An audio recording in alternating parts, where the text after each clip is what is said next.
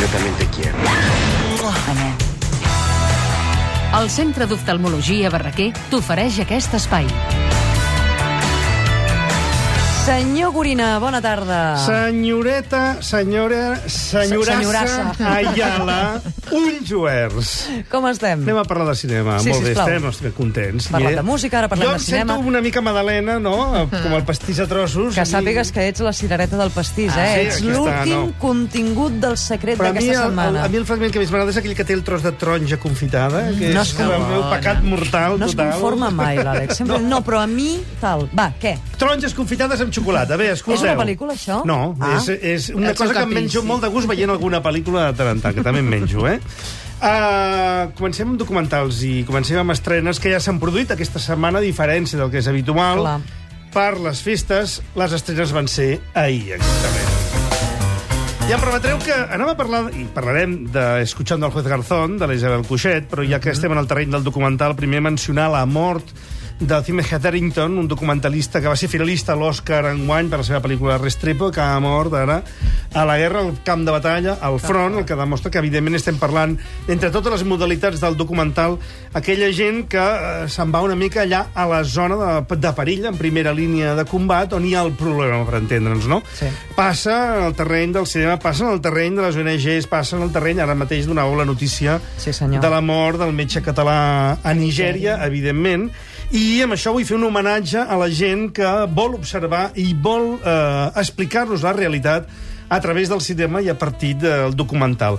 És el cas també d'una pel·lícula catalana que s'ha estrenat una mica d'amagat, i la menciono també de passada l'Albert Soler, que va ser l'autor d'aquell Bucarest, La memòria perduda, Perduda. guanyadora de Gaudí, de Goya, etc que ha estrenat documental. al final de l'escapada. És un documental que s'ha estrenat una mica d'amagat, quan hauríem d'estar tots molt atents a focalitzar doncs, aquests treballs davant de la gent que ens ha demostrat la seva capacitat i el seu compromís, en aquest cas, amb la figura del Miquel Núñez, que va ser un un lluitador antifranquista que va morir defensant el seu dret a morir dignament l'any 2008 i que ara ens explica amb un altre treball de rigor. Per tant, estem parlant d'un tipus de cinema que, evidentment, no, no s'exhibeix en multitud de pantalles a tot arreu i que, malauradament, de moment podem veure només a Barcelona, i ho dic perquè eh, a Catalunya hi hauria d'haver una xarxa de possibilitats de poder veure aquest cinema eh, al moment eh, que, que, que s'estrena també a Barcelona. Escuchando al juez Garzón de la Isabel Cuixet té firma i té sobretot una característica i és que no és cinema stricto sensu, sinó un suport per donar la paraula al jutge Garzón perquè pugui explicar ras i curt el que li està passant, no? Sí, sí. Uh, no hi ha cap intent de manipulació ni de llenguatge cinematogràfic, sinó posar la càmera i això és perillós, perquè és perillós perquè, perquè evidentment, no hi ha un treball de camp o de, o de contrast o de donar mm, veu a una investigació paral·lela periodística o mm, a, una, a, uns, a unes altres visions del tema. El No, no, jutge només pot hi ha una visió, no? Hi ha una visió i el jutge pot dir el que vol i no saps mai si diu tot o diu una part o què és el que pot amagar i jo no dic que amagui res, però dic senzillament que... No és un documental, no és periodístic. No, no és un treball periodístic i senzillament, mira, jo tinc diners, crec en tu i et regalo una hora i mitja de cel·luloide perquè puguis dir tot allò que no se t'està deixant dir potser en altres mitjans i suports. Per tant, que estigueu ben informats i eh, que considereu que és, per tant, una pel·lícula política. Política perquè és una pel·lícula que aposta per la veritat eh, del jutge Garzón. I que està molt bé també que es faci. Vull dir que la llibertat d'expressió també, si s'informa bé de què és el material que s'ofereix, un dret, per tant, de l'Isabel Cuixet i del jutge Garzón. I dit això, podem entrar en altres materials de la Vinga, setmana, va. que són tan interessants com, senyores i senyors, Scream 4! No!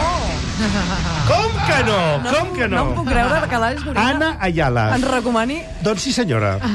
Mira, precisament perquè hi ha un moment Estic en la vida delerosa en què de- de- de et saber el- tothom i et diu Gorina, només parles de pel·lícules minoritàries, elitistes, iranianes i no sé què És més. veritat. Mentida putrefacta. A mi hi ha pel·lícules d'entreteniment que em diverteixen moltíssim i el seu Wes Craven i els seus scripts és un material, allò que digo, material de derribo.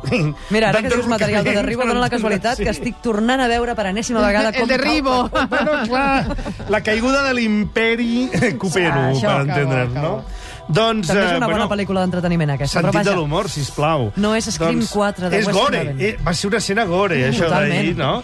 A part de que al partit hi va haver algunes escenes gore, no? hi ha un senyor que es diu Pepe, que és molt gore, bueno, com a mínim és molt... Cert. És molt... Gore, gore. Molt bèstia. Tira, va, Scream 4, Scream és, un, di- 4. és un divertiment, no ens ho hem de prendre d'una altra manera, té sentit, té sentit fins i tot fora del Festival de Sitges, té sentit perquè a la nostra vida tenim moments per diferents estils d'espectacle, de reflexió o de divertiment, com dèiem, i perquè ens agrada fantàstic, i perquè el senyor Wes Craven és una de les persones que més sap al món de Shakespeare i es dedica a fer pel·lícules com Scream. Per què? Perquè en el fons, en el fons, en el fons, en el món de Shakespeare hi ha molt gore i, per tant, correspon a una mateixa franja de la humanitat compartir el gore de Macbeth i de Hamlet amb el gore de Scream 4. I dit això, Gwyneth Paltrow, que m'agrada molt.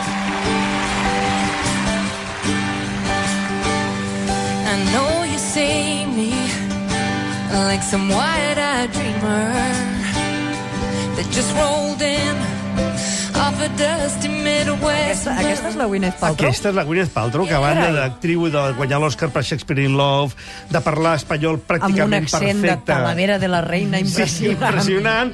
Doncs també és cantant, com molts actors que avui dia demostren que tenen una capacitat d'abordar diverses facetes de, de l'expressió humana importants, no? Canta bé, canta country, i canta country, encara que això és una balada country, Sí. no country, allò que es diu niu, niu, harmònico, no. harmònica i banjo, I- i total, bandúrria no?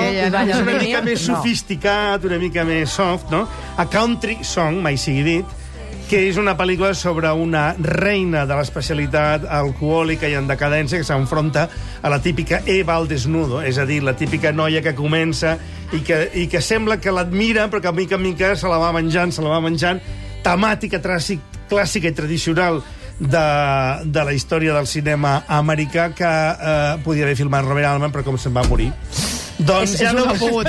és un petit gran impediment. I és el problema que tenim, que no és del Robert, no és del Robert Altman, perdó, sinó que és de la Xana Feste, i de la Xana Feste no, podem, No és el no mateix. és el mateix. No Tens el un mateix, minut per no? fer-me l'última recomanació. No la recomanaré pas, només us No posaré cridis, en home, no situació perquè Àguila Roja doncs és eh, senzillament allò, agafar un capítol de la sèrie televisiva I i donar-li una mica més de magnitud i de Martina Klein.